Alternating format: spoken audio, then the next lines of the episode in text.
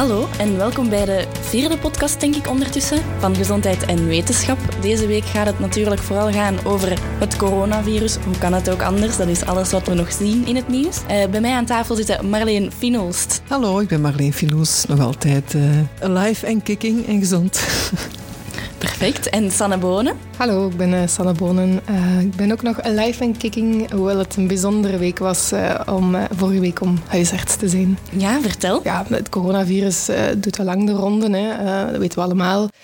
maar vorige week dinsdag hebben we de boodschap gekregen dat het noodplan voor huisartsgeneeskunde was afgekondigd. de voorzitter van de had een videoboodschap gemaakt om ons te vertellen dat we heel onze werking een beetje om moesten gooien. Uh, wat we gewoon zijn om te doen, moest nu ineens helemaal anders omwille van het coronavirus. En hoe anders dan? Wel, um, we kregen de raad om, uh, om onze online agenda sowieso uh, dicht te zetten en om alle afspraken die niet dringend waren, um, gewone opvolgafspraken, om alles zoveel mogelijk te annuleren, zodanig dat onze praktijken zo leeg mogelijk zouden zijn.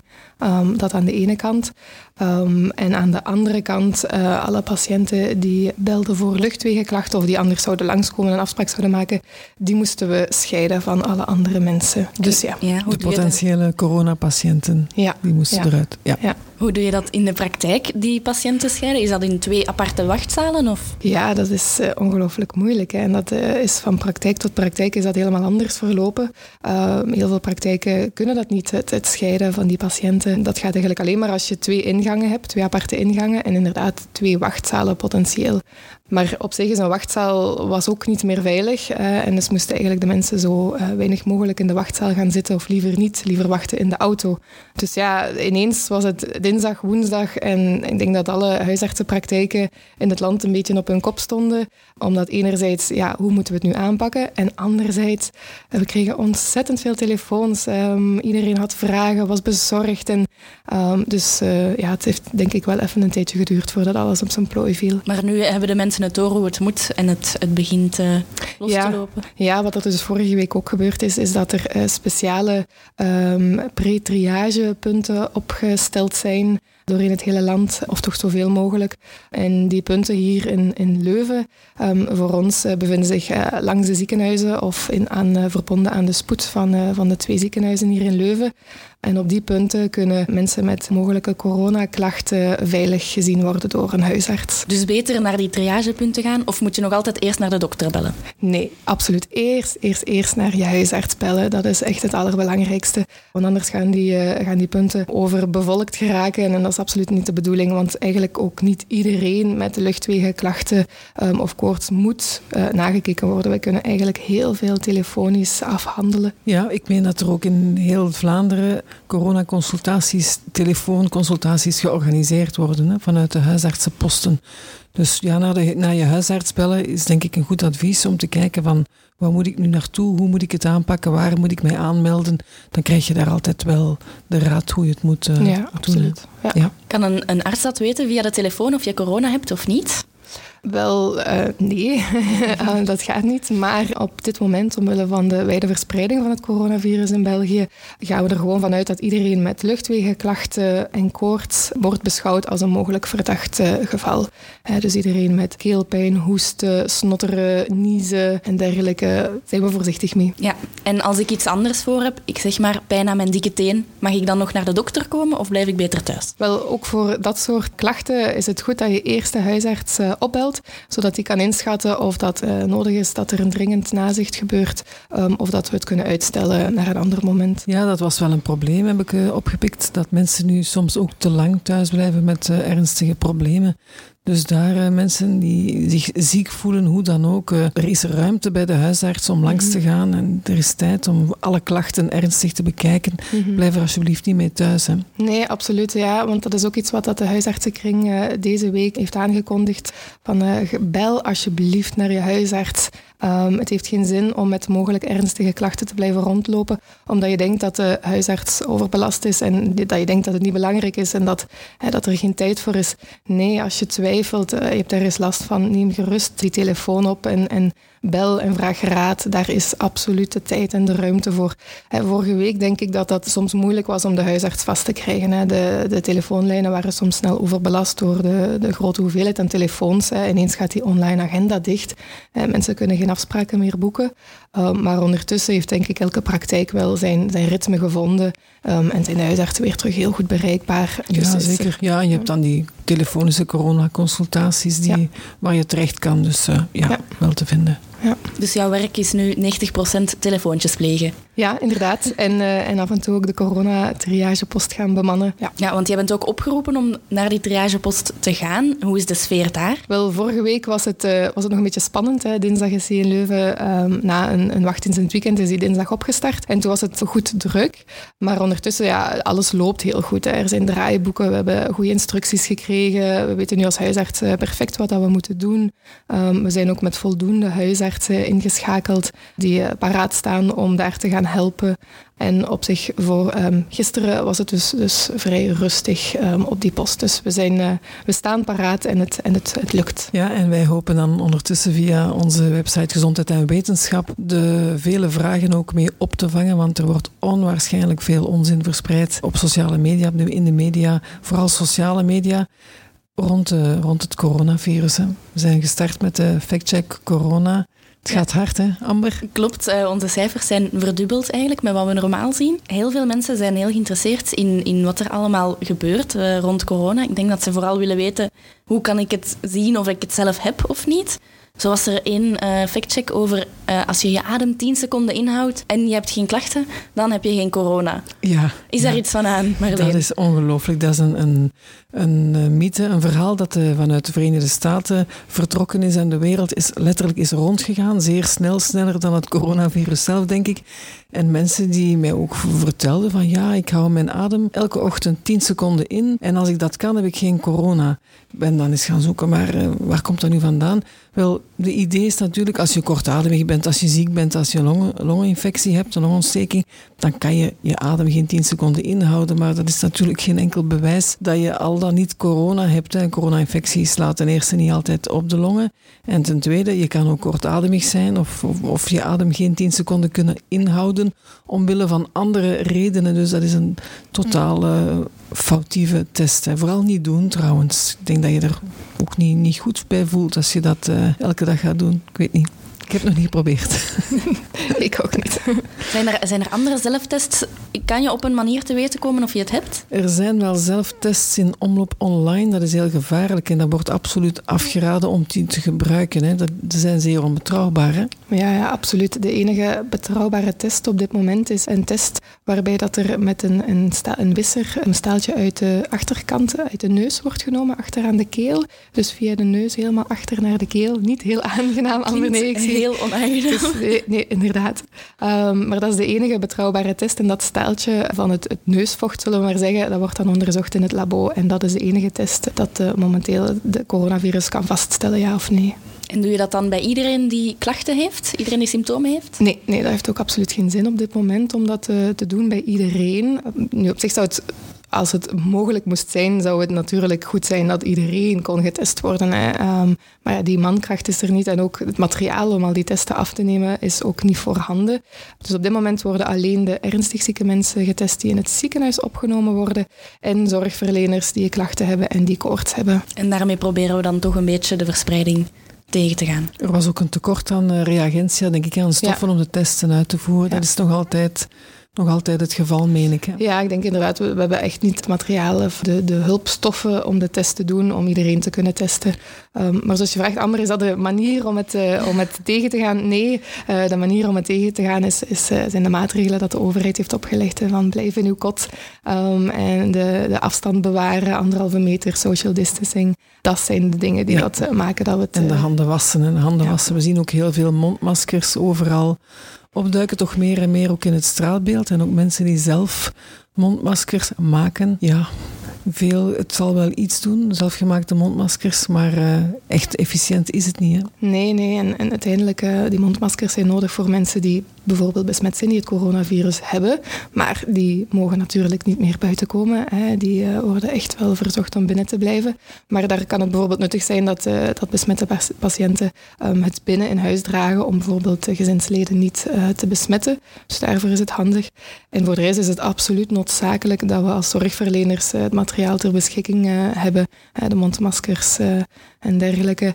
Omdat dat is ook de reden waarom dat we de posten hebben opgesteld hè, doorheen het hele land. Omdat niet elke huisarts zich voldoende kan beschermen. Er is onvoldoende materiaal.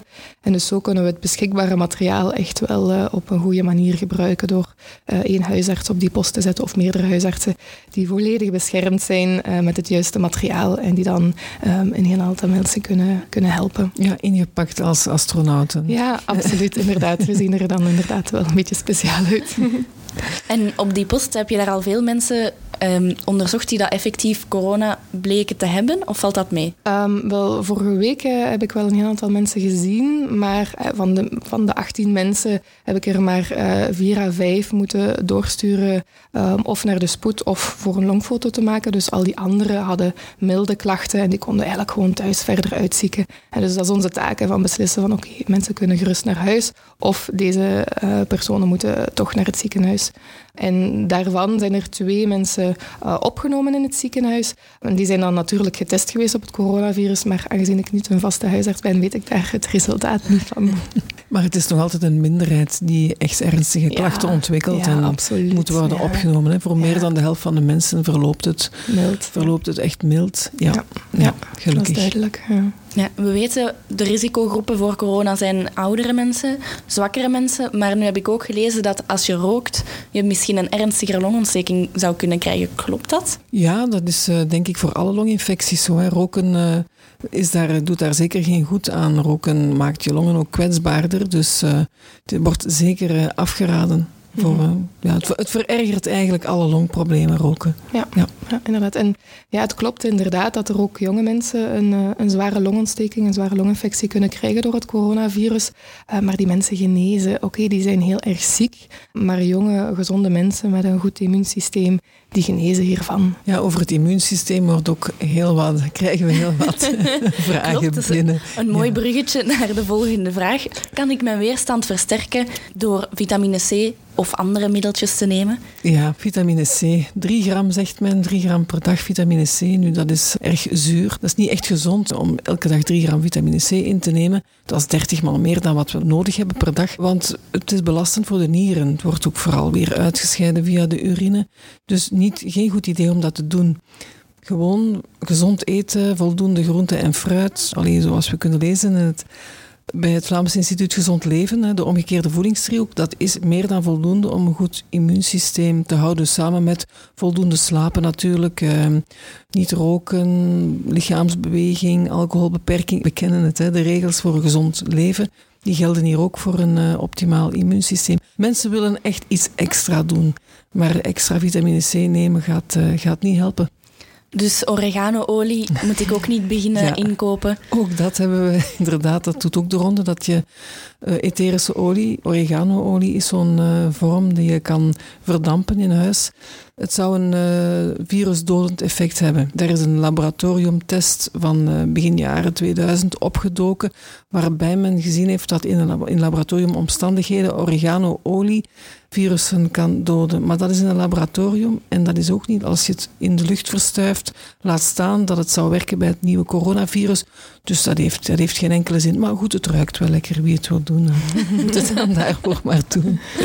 Ja, want het, het hangt zelfs niet in de lucht, hè, het coronavirus. Want ik had ergens ook gelezen over fijn stof zou het meedragen. Dus die anderhalve meter afstand, dat hoeft helemaal niet. Ja, dat was even ook een angst. En vooral in uh, Franstalige België heeft dat, was dat uh, groot nieuws dat fijn stof coronavirus zou, zou mee verspreiden. Het virus zou als het ware gaan plakken op die fijnstofdeeltjes die dan uh, door de lucht zweven en, en op langere afstanden zich zouden verplaatsen. Uh, waarbij men zich inderdaad de vraag stelde of dat, dat wel genoeg is, die anderhalve meter die we van elkaar afstand moeten houden. Maar uh, blijkt, blijkt helemaal niet te kloppen. het is niet zo dat het fijnstof een drager is voor het coronavirus. Dat is, dat is ondertussen gelukkig ook duidelijk dat dat niet waar is. Ja. ja die anderhalve meter geldt eigenlijk vooral als er iemand toch in jouw buurt zou hoesten of niezen um, en dat dan die druppeltjes die dat dan besmet zijn met het virus dan toch bij jou terechtkomen, um, bij je neus, ogen en zo kan je dat wel besmet geraken. Ja, nu ik denk, hè, als, als mensen in het park uh, wandelen of joggen of uh, fietsen, je hoeft daar geen mondmasker nee. bij te dragen. Dat is totaal geen zin. Hè. Het is vooral als je een tijdje naast iemand zou zitten die besmet is, ja. in, een, in een bus bijvoorbeeld, op, een, op de trein. Ja, vandaar dat daar ook de richtlijnen ja. zijn van niet langs iemand te gaan zitten. Ja. Voilà, oké. Okay. Ja. Dus je kan het van iemand anders krijgen, maar als besmette mensen naar de winkel gaan en ze raken daar alle avocados is goed aan om te voelen welke rijp is. En ik ben de volgende persoon, kan ik het dan zo krijgen? Theoretisch wel, ja. Dus het is eigenlijk, er wordt al, al altijd gezegd van doe dat niet, de, de groente bepotelen of het fruit bepotelen, dat je koopt dat dan. En je gaat het niet terugleggen. Dus dat is, dat is waar, dat kan je wat beter niet doen. Theoretisch kan je op die manier uh, inderdaad wel besmet worden. Dat denk ik wel. Ook dat is natuurlijk nog niet echt aangetoond, want ja, hoe ga je dat onderzoeken, zoiets? Maar het blijft wel eventjes plakken, het virus, dus uh, dat kan je maar beter niet doen. Als je naar de winkel gaat, dus groenten en fruit die je wil kopen, raak die aan, leg die in een mandje, koop die en je handen wassen voor je naar de winkel gaat en uh, als je terug thuis komt. Hè. Ja, want door het eten van voeding, als iemand anders eten heeft bereid, kan je dan corona krijgen van die persoon? Ook in theorie zal dat ook wel, zal dat ook wel kloppen. Iemand die, daarom is het ook goed, maar dat zeggen we ook al, al jaar en dag, voordat je aan de maaltijd begint te bereiden, was je handen goed. Hè. Dat, is, dat geldt nu echt wel extra, ja. denk ik. Hè. Ja, inderdaad. Ja. Ja, Lies niet boven je eten. Voilà, Lijkt me altijd al aangenaam. Ja. ja, en inderdaad, gebruik ook niet hetzelfde eetgerei. Ja. Uh, Messen, vorken, glazen, deel het niet met je, met je gezinsleden. Mm. We werken natuurlijk ook samen met het Rode Kruis uh, voor deze factchecks. En zij zagen vorige week dat er bepaalde mensen dachten dat de bloedgroep A je vatbaarder maakt voor het coronavirus. En mensen met bloedgroep O zouden het minder krijgen. Ja, ja dat was inderdaad uh, op basis van een Chinese studie. In China worden er heel wat uh, studies gedaan op coronapatiënten. Die resultaten worden overal gepubliceerd. En eentje daarvan was dat men had gezien bij een grote groep uh, gehospitaliseerde patiënten dat er meer mensen bij waren met de bloedgroep A. En uh, in een controlegroep van de mensen die niet besmet waren, uit dezelfde provincie waren er uh, van de mensen die niet besmet waren minder met bloedgroep A. Maar dat is waarschijnlijk louter toevallig, want daar is geen enkele verklaring voor, voor denkbaar. En voor de andere bloedgroepen was er geen duidelijk verband. Er waren duidelijk wat minder mensen met bloedgroep O bij de gehospitaliseerde coronapatiënten, waar de verschillen waren eigenlijk ook vrij klein. Het was niet eens spectaculair. Maar goed, zoiets gaat dan toch weer een, uh, een eigen leven leiden, zoals de ibuprofen. Ja. De Franse minister van Volksgezondheid had inderdaad afgeraden aan het Franse volk om nog ibuprofen te nemen, ontstekingsremmers, want dat zou het delen van het coronavirus makkelijker maken en daardoor de verspreiding versnellen of zoiets. Ja, waarvan komt dat? Ibuprofen en een aantal andere medicijnen beïnvloeden uh, lichaamcellen. Lichaamcellen worden daardoor receptiever voor, het vir voor virussen. Dat is de theorie. Coronavirus bindt aan de lichaamcellen, bijvoorbeeld aan de cellen in de long, op een bepaald eiwit op onze lichaamcellen. En dat eiwit komt wat vaker voor bij mensen die uh, ibuprofen of uh, bepaalde bloeddrukverlagers nemen. Denkt men misschien. Het zijn eigenlijk allemaal hypothesen. Maar daaruit, door die, die vaststelling of die hypothese, die eigenlijk, het was eigenlijk niet meer dan een hypothese geformuleerd door Chinese onderzoekers. En daaruit dan werd geconcludeerd, let, laten we misschien opletten, misschien moeten we opletten met ibuprofen. En dat gaf onmiddellijk een, uh, weer een soort angstpsychose die, die rondging. Mensen gingen allemaal massaal naar de apotheken om paracetamol te kopen. Want paracetamol was dan het veilige. Als je koorts hebt of, of milde klachten, neem dan paracetamol en geen ibuprofen. Waardoor dat de, de verkoop van uh, paracetamol op enkele dagen maal verviervoudigd is in België en in Nederland moest men zelfs, uh, allee, heeft men gewoon een verkoopstop gedaan in de apotheken voor paracetamol. Alleen nog de mensen die het nodig hadden. Dus dat werd ineens gehamsterd. Omwille van een hypothese die mogelijk, waar dat er mogelijk een verband werd gezien tussen ibuprofen en het sneller delen van het coronavirus. Maar het is zelfs nog niet eens bewezen. -hmm. Nee, inderdaad. We hebben ook de richtlijnen gekregen um, als huisartsen dat mensen die dan inderdaad die bepaalde bloeddrukverlagers, uh, uh, die medicijnen krijgen, dat ze die gewoon mogen verder nemen en dat we de mensen mogen geruststellen dat ze daar absoluut geen schrik van moeten hebben, dat ze uh, meer vatbaar zijn voor het coronavirus bij het nemen van bepaalde bloeddrukmedicijnen, want daar is inderdaad absoluut nog geen bewijs voor. Nee, maar ook andere geneesmiddelen worden gehamsterd denk ik. Hè. Bepaalde antibiotica kwamen in het nieuws als potentieel, Ja. potentieel nuttig bij corona. En voep, mensen proberen het online te kopen of hun huisarts te overtuigen om toch maar een voorschrift te hebben voor Ja. was het denk ik. Inderdaad, voor azitromycine. Ja, ja. Ja, ik denk dat inderdaad misschien wel huisartsen vorige week een beetje met het handen in het haar zaten van eh, wat dat er allemaal aan het gebeuren was. Dus wie weet dat hier en daar inderdaad wel wat voorschriften zijn eh, gegeven, omdat we op die moment eigenlijk ook niet goed wisten wat dat we met die longontsteking eh, door het coronavirus moesten doen. Uh, maar ondertussen is dat heel duidelijk dat uh, die azitromycine, antibiotica, absoluut niet uh, de behandeling is voor het coronavirus. Mm -hmm. Ook andere medicijnen worden nu getest om te kijken, werken ze bij corona of niet? Werken ze bij de longontsteking? Antimalaria-middelen, denk mm -hmm. ik, hè? Onder andere. En mensen gaan dat dan ook, willen dat dan plots hebben in huis halen. Ja, ja dat, is, dat is echt gevaarlijk natuurlijk, omdat ja, zomaar die medicatie uh, bij je thuis nemen, ja, dat heeft natuurlijk zijn bijwerkingen, dat soort medicatie. En ja, die medicijnen die zijn nodig om in studieverband, dus ja, dat is eigenlijk experimenteel, hè, dat ze die behandelingen momenteel doen in de ziekenhuizen. Uh, bij zwaar zieke mensen doen ze natuurlijk hun uiterste best om een behandeling te zoeken die dat werkt voor het coronavirus. Um, en daar hebben ze die medicijnen dan absoluut voor nodig. Maar thuis met milde klachten, uh, coronavirusinfectie bestrijden met dat soort medicijnen is echt wel gevaarlijk.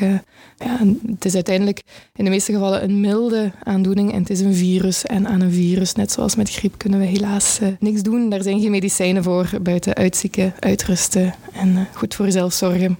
En zo, je hebt ook die antibacteriële middelen, die ontsmettingsmiddelen zoals Dettol, worden wel gebruikt en helpt wel een beetje om, om virussen te vernietigen. Maar eigenlijk het volstaat hè, om, om uh, gewoon goed je handen te wassen mm -hmm. en gewone hygiënische maatregelen. En je hoeft niet al je keuken te ontsmetten, uh, te gaan ontsmetten. Het wordt wel commercieel gepromoot nu. Dat is wel een ja, beetje, een beetje jammer, hè? dat gaat zo. Hè? Ja, ja.